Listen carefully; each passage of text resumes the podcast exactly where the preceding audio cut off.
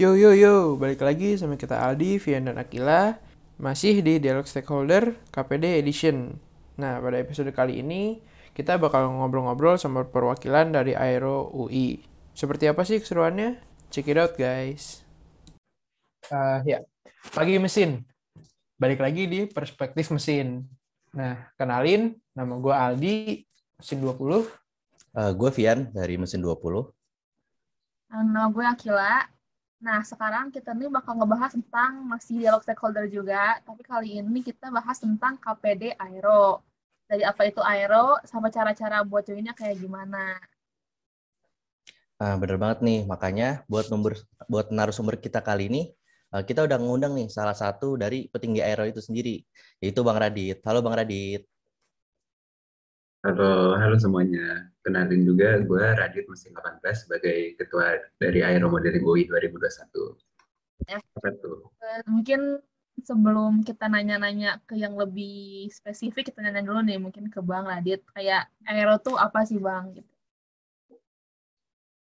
Ya mungkin perkenalan dulu ya bagi yang apa ya eh, yang belum tahu tentang Aero itu ya. Aero itu eh, merupakan salah satu lembaga KPD atau klub peminatan departemennya teknik mesin eh, yang eh, mewadahi minat mahasiswa dalam eh, ini dalam mengaplikasikan ilmu-ilmu eh, yang ada di kuliah itu di bidang kedirgantaraan. Kayak gitu. Jadi misalkan eh, ada ilmu-ilmu yang eh, dipelajari itu bisa disangkut pautin ke kedirgantaraan ini dan juga misalkan ada ilmu yang belum dipelajari juga di kuliah itu bisa didapetin duluannya di sini terutama di bidang kedirgantaraan. Kayak gitu sih dari Aero Modeling UI sendiri.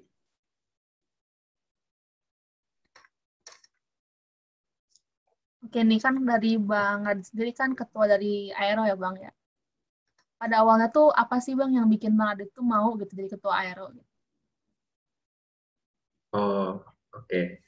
Jadi itu kenapa sih pertama-tama gue uh, mau gitu jadi, jadi ketua Aero tuh uh, alasannya itu karena uh, selama gue menjabat jadi BPH sebelum jadi ketua tuh gue menjabat jadi BPH Aero. Nah itu uh, gue masih lihat masih banyak hal-hal yang bisa diperbaiki, terutama waktu Aero 2020 sebelum kepengurusan gue tuh uh, kegiatannya itu uh, transisi. Jadi itu selama sebelum pandemi dan selama pandemi itu. Jadi banyak kegiatan-kegiatan yang harus dirombak dari Aero itu sendiri.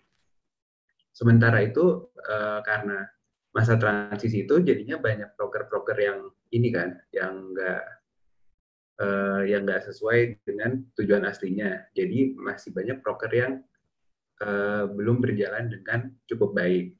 Jadi itu uh, kita perlu adain perubahan lah dari aero-aero sebelumnya kayak gitu sih.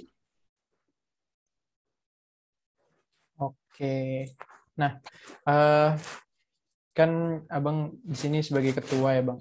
Nah uh, untuk di aero sendiri ketuanya tuh biasanya ngapain aja sih bang tugas-tugasnya gitu? Tugas-tugas jadi ketua ya. Hmm. Jadi uh, sebenarnya tugas dari ketua di Aero tuh bukan ini ya, bukan ketua aja yang kerja. Jadi uh, gua sama wakil gua tuh saling nge-backup kalau ada kerjaan. Jadi itu kita ya saling kerjasama lah dalam uh, dalam uh, ini mengikuti uh, lembaga ini. Nah, tugas-tugas utamanya itu yang pertama pasti membuat visi misi nih sebagai dasar dari kepengurusan. Jadi dari visi misi itu kita bisa tahu uh, apa aja sih kegiatan yang perlu diubah, terus apa aja kegiatan-kegiatan yang perlu ditambahkan.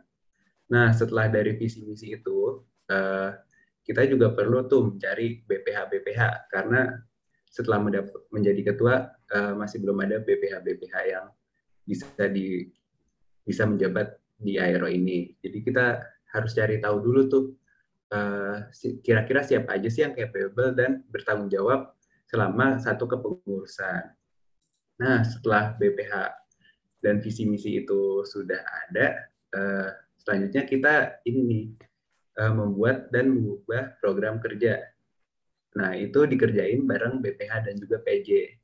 Jadinya itu eh, program-program kerja dari kepengurusan eh, periode yang lalu itu kita ubah tuh dan kita buat sesuai dengan visi-visi yang udah ada. Nah, selanjutnya itu kita juga uh, merancang lagi nih kira-kira uh, yang udah diubah tuh kira-kira uh, program kerjanya bakal kayak gimana uh, selama berjalannya waktu. Nah, terus juga koordinasi nih pelaksanaan program-program kerja. Terus uh, selain itu kita juga mengadakan rapat rapat BPH namanya itu jadi itu program-program kerja yang sedang dijalani itu kita lihat uh, kita bakal bisa nggak sih uh, kerjain program kerja ini, terus kira-kira ada masalah apa uh, selama menjalani program kerja ini, terus uh, gimana sih caranya biar uh, proker ini berjalan gitu. Nah, ketua juga perlu nih koordinasi dengan MPM terkait dengan kinerja dari uh, Airo dan juga uh, ketua juga perlu juga koordinasi dengan lembaga-lembaga lain biar kita bisa tahu masalah-masalah yang ada di lembaga lain dan juga solusinya itu sih kemudian uh, fungsi ketua yang paling penting itu uh, ini sih menjaga Airo biar selama satu tahun ini itu bisa berjalan dengan lancar. Nah, uh, biar anggota dan juga pengurusnya tuh tetap semangat dalam ngikutin kegiatan, nggak jenuh dan uh, semakin lancar lah dalam mengurus selama uh, satu tahun itu. Kira-kira itu sih gambaran tugas-tugas uh, uh, sebagai ketua.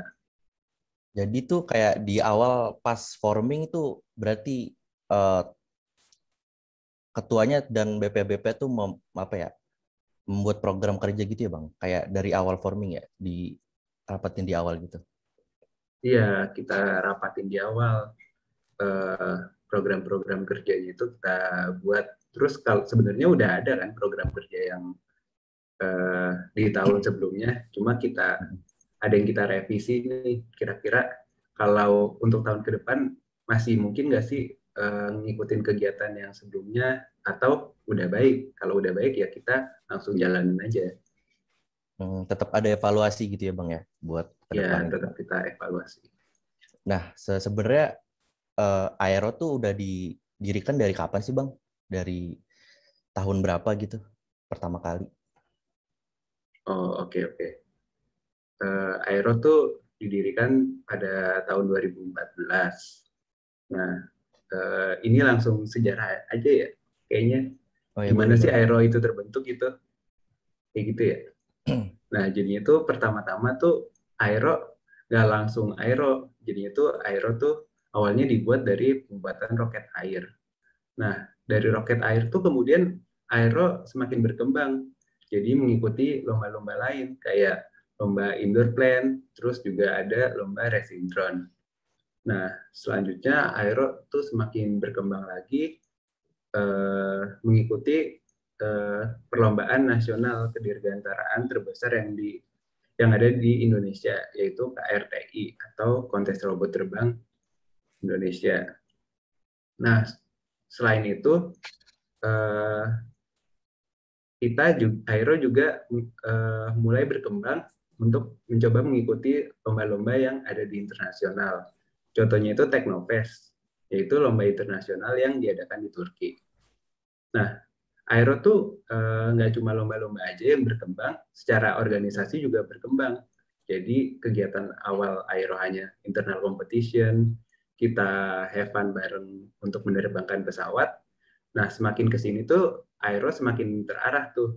Jadi itu kegiatan-kegiatannya sudah uh, lebih baik, lebih tersusun rapi dan kurikulum-kurikulum yang diajarkan tuh juga udah tersusun dengan baik. Oh iya, tadi uh, Bang Radit kan sempat mention lomba-lomba ya. Kalau boleh tahu nih Bang, uh, dari Aero dan AUAV itu perbedaan apa sih kalau dari segi lomba-lombanya itu? Oh oke okay, oke okay, oke. Okay. Jadi uh, AUAV itu uh, termasuk tim lombanya Aero. Jadi di Aero kan sebenarnya ada banyak lomba nih. uh, misalkan uh, Teknogin, terus ada juga Mene, terus uh, ini mungkin udah nggak ada lagi LKA Polban, dan juga ada BCC.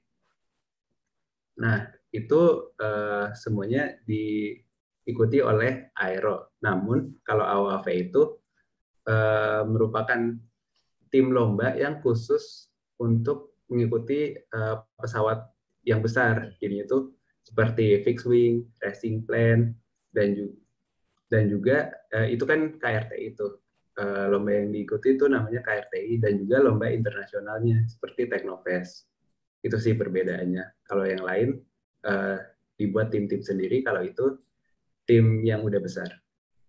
Oh kayak gitu. Nah kan tadi mungkin Bang Radit sempat mention dari 2014 ya kalau tadi gua nggak salah dengar nah yeah.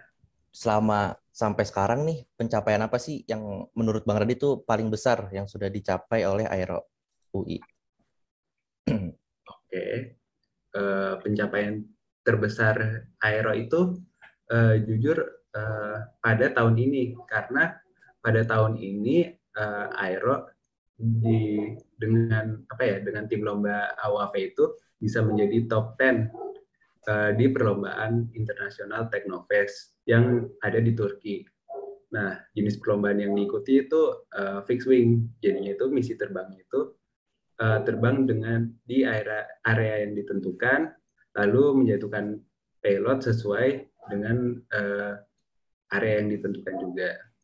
Nah itu yang paling uh, besarnya karena kita juga kerjasama dengan kita juga uh, ya lebih banyak ini sih uh, pengalaman yang didapat di situ karena sudah skala internasional. Terus tahun lalu juga kita uh, menang nih tentang COVID-19 Ideaton 2020. Nah, ini tuh uh, kita membuat hybrid quad plane UAV atau uh, gabungan dari fixed wing atau pesawat konvensional dengan rotary wing atau kopter. Nah, ini uh, misi dari lomba ini tuh untuk membantu pemerintah dalam penerapan PSBB dulu namanya. Hmm. Pembatasan sosial berskala besar. Nah, uh, wahana ini nih bisa uh, video monitoring secara real time untuk mendeteksi kerumunan kemudian uh, memberi suara tuh kalau misalkan kerumunan orangnya itu banyak uh, secara otomatis memberi suara imbauan untuk membubarkan diri. Nah kemudian ada pencapaian pencapaian lain uh, seperti base design racing plan di KRTI 2018. Terus kita juga pernah menang base aerobatik di uh, ini Red Bull Pepper Wings 2019 paling itu sih pencapaian terbesar di Aero. Mantap.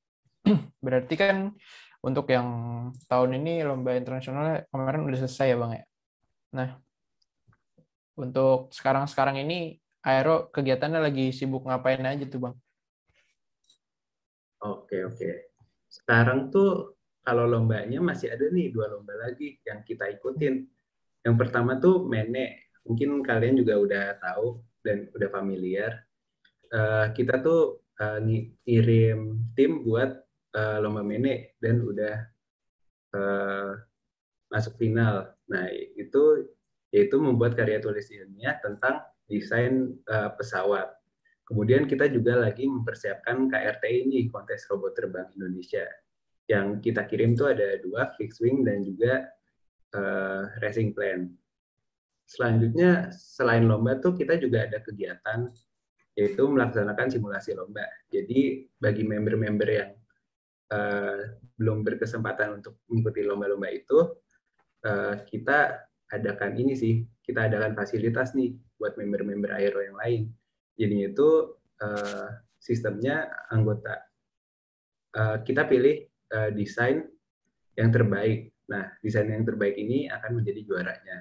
Kita juga uh, akan mengadakan konsol kedua nih, namanya Aero Fun Night. Jadi member-member Aero tuh nggak jenuh karena mengikuti pelatihan-pelatihan kayak hmm. gitu. Hmm. Nah, oke okay. mungkin dari tadi kita udah ngomongin kayak apa itu aero, terus pencapaian pencapaiannya. Mungkin sekarang buat yang kepo kali yang buat mau masuk aero. Nah, kira-kira apa aja sih Bang yang perlu disiapin gitu pas kalau kita mau masuk ke aero? Yang perlu disiapin kalau masuk aero sebenarnya nggak nggak terlalu detail sih. Kalau masuk aero tuh eh, yang penting kalian tuh eh, punya tekad buat belajar karena banyak banget ilmu-ilmu yang bakal kita yang bakal uh, kita pelajari bareng-bareng. Nah, terus uh, buat masuk aero tuh nggak uh, harus ini sih, nggak harus tahu kira-kira pesawat itu kayak gimana, jenis-jenisnya apa gitu-gitu. Uh, sebenarnya nggak harus uh, tahu banget. Yang penting kalian tahu tuh dasar-dasar pesawat, gimana cara pesawat terbang, komponen-komponen yang ada di pesawat itu bagaimana, terus cara desain itu desain pesawat itu bagaimana sama uh, cara pesawat bermanuver. Itu biar kalian nggak kagok aja sih ketika masuk ke aero. Sebenarnya kita uh, di aero belajar dari awal banget kok jadi nggak harus takut kalau boleh tahu itu open recruitment untuk uh, kepengurusan selanjutnya itu kapan ya bang? Open recruitment untuk uh, kepengurusan selanjutnya sih masih lama ya, masih uh, Januari Februari tahun depan. Jadi itu hmm. masih cukup lama karena uh, kita harus ngabisin periode ini dulu nih. Oke oke. Nah sebenarnya kalau dari Aero sendiri apa sih yang dicari dari mahasiswa yang pengen daftar gitu kayak kualifikasi yang Aero butuhkan dari para pendaftar gitu? Oke, kualifikasinya itu sebenarnya ya yang gue bilang tadi, eh, yang penting member Aero tuh eh, punya tekad lah untuk belajar, eh, terutama pada bidang kedirgantaraan. Terus eh, bersungguh-sungguh buat ngikutin kegiatan-kegiatan yang ada di Aero. Jadi kalian nggak perlu apa ya nggak perlu tahu lah eh, nggak perlu uh, tahu banyak tentang uh, kedirgantaraan yang penting dasar-dasarnya itu kalian paham uh, sehingga bisa mengikuti untuk uh, ke depannya sebenarnya banyak sih member-member uh, aero yang dulunya tuh cuma tahu pesawat dari pelajaran fisika aja gitu. Dan, dan sekarang udah sukses jadi ketua tim lalu bisa uh, membuahkan prestasi gitu. Sebenarnya banyak. Jadi itu kalian eh, nggak uh, perlu takut gitu buat masuk ke aero yang penting mau belajar lah ya bang ya. Iya yang penting mau belajar. Nah untuk persyaratannya tuh sebenarnya uh, untuk semua angkatan bisa join atau gimana bang apakah tahun keempat atau tahun ketiga itu nggak bisa Iya, semua angkatan uh, boleh join kok. Uh, yang penting kalian tahu prioritas aja. Uh, gimana sih kegiatan di Aero, terus sama kegiatan-kegiatan uh, di lembaga lain, ataupun kegiatan um, di masa kuliah. Kalau tahun terakhir pengen join ya kita welcome-welcome aja. Hmm. Time management lah ya. ya. Nah, buat member yang pengen join nih, uh, bisa join ke bidang apa aja sih bang yang ada di Aero? Oke, kalau member tuh uh, sebenarnya ada dua bidang. Uh, yang pertama fixed wing dan yang kedua rotary wing. Jadi uh, sepas milih tuh kalian langsung disuguhin nih ada fixed wing itu seperti pesawat-pesawat konvensional dan juga rotary wing tuh kalau uh, kita sebut tuh sebagai drone gitu.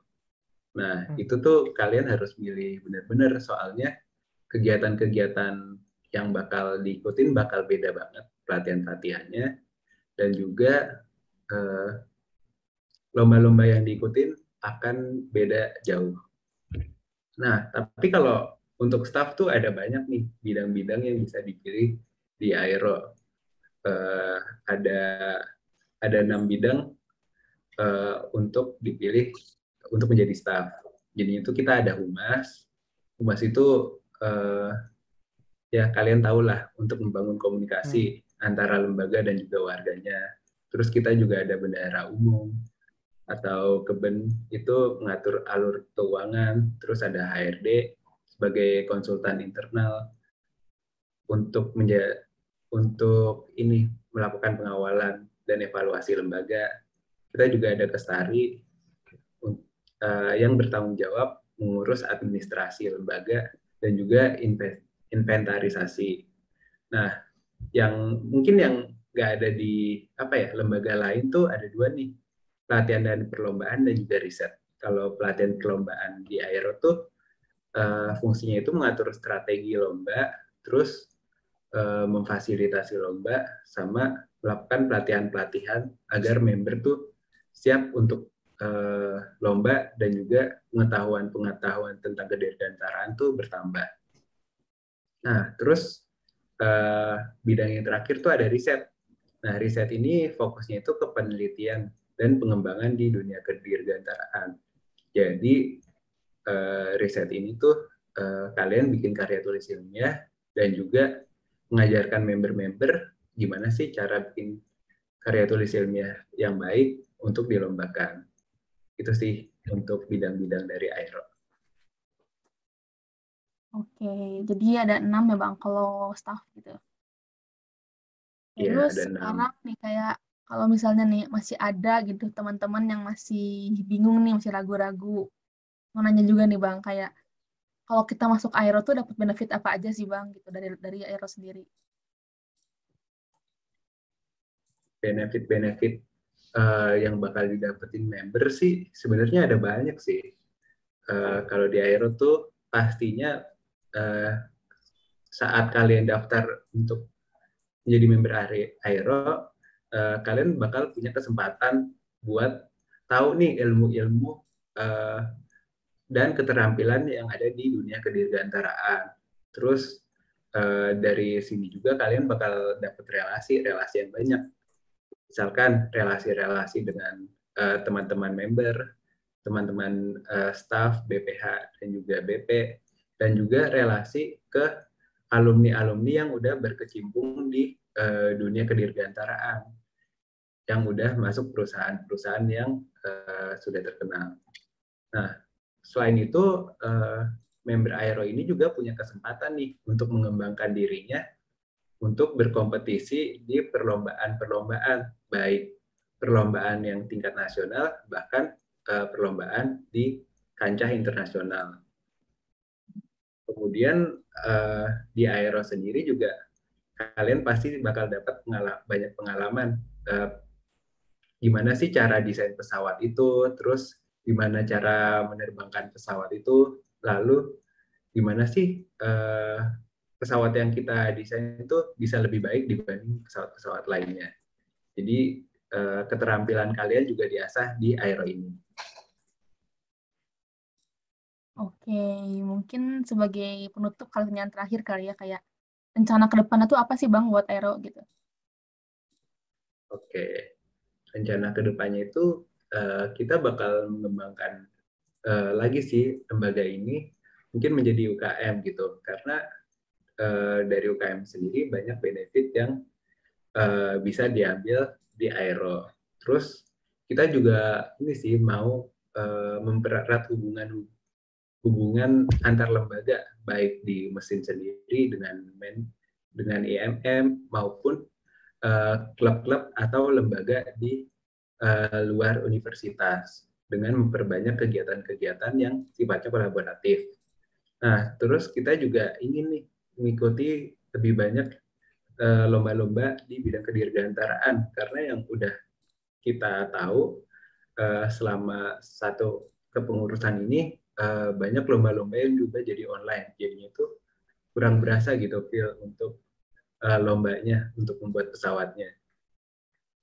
Nah, terus juga kita ingin uh, mempersiapkan ini sih member-member uh, ke lomba dengan lebih matang dengan memperbaiki kurikulum yang ada dan juga jadwal pelatihan dan uh, lebih mempersiapkan uh, simulasi lomba sehingga lebih matang lagi.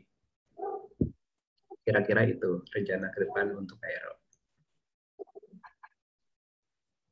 Oke, Wah, dapat insight banyak ya guys ya dari Bang Radit ini tentang aero. Iya benar-benar. Eh, yang sebelumnya gue nggak ker- kurang ngerti nih tentang aero. Setelah ngobrol-ngobrol sama Bang Radit, jadi lumayan paham sih ini sama aero-aero. Jadi tertarik juga kali ya kita nanti tahun depan Asik. bisa masuk aero kali nyobain. Abis humas kali ya? Ya, Eh, Abis guys. humas, gas nih aero nih. Boleh banget tuh. Kita terbuka kok ke semua kalangan. Eh, Oke, mungkin buat episode kali ini cukup sampai di sini kali ya. Sebelumnya, eh, kita mau ngucapin makasih nih sekali lagi buat Bang Radit yang udah ngulangin waktunya buat sharing-sharing pada kesempatan kali ini. Eh, Kita yang tadinya kurang paham soal aero, habis ngobrol-ngobrol sama Bang Radit jadi lumayan ngerti nih. Nah, buat para pendengar juga, dicatat ya, kalau mau join aero itu bakalan ada open recruitment di sekitaran bulan Februari. Dan Jangan lupa saksiin episode-episode kita berikutnya hanya di YouTube IMM dan Spotify Perspektif Mesin. Eh, saya Vian. Saya Aldi. dan saya Akila. Oke, kali kita kita pamit undur diri dan sampai sampai jumpa di episode selanjutnya. Dadah. Dadah. Nah, mungkin sebelum kita sudahi podcast kali ini, gue mau ngingetin lagi nih buat kalian semua. Buat follow Spotify IMM, IG IMM, dan jangan lupa juga buat subscribe YouTube IMM, sama connect LinkedIn IMM. Nah, eh, sama terakhir, gue mau pantun nih. Ibu Hajah pergi mengaji, pulang-pulang bawa bingkisan. Makasih udah dengerin sampai sini. Semoga podcastnya berkesan. See you guys.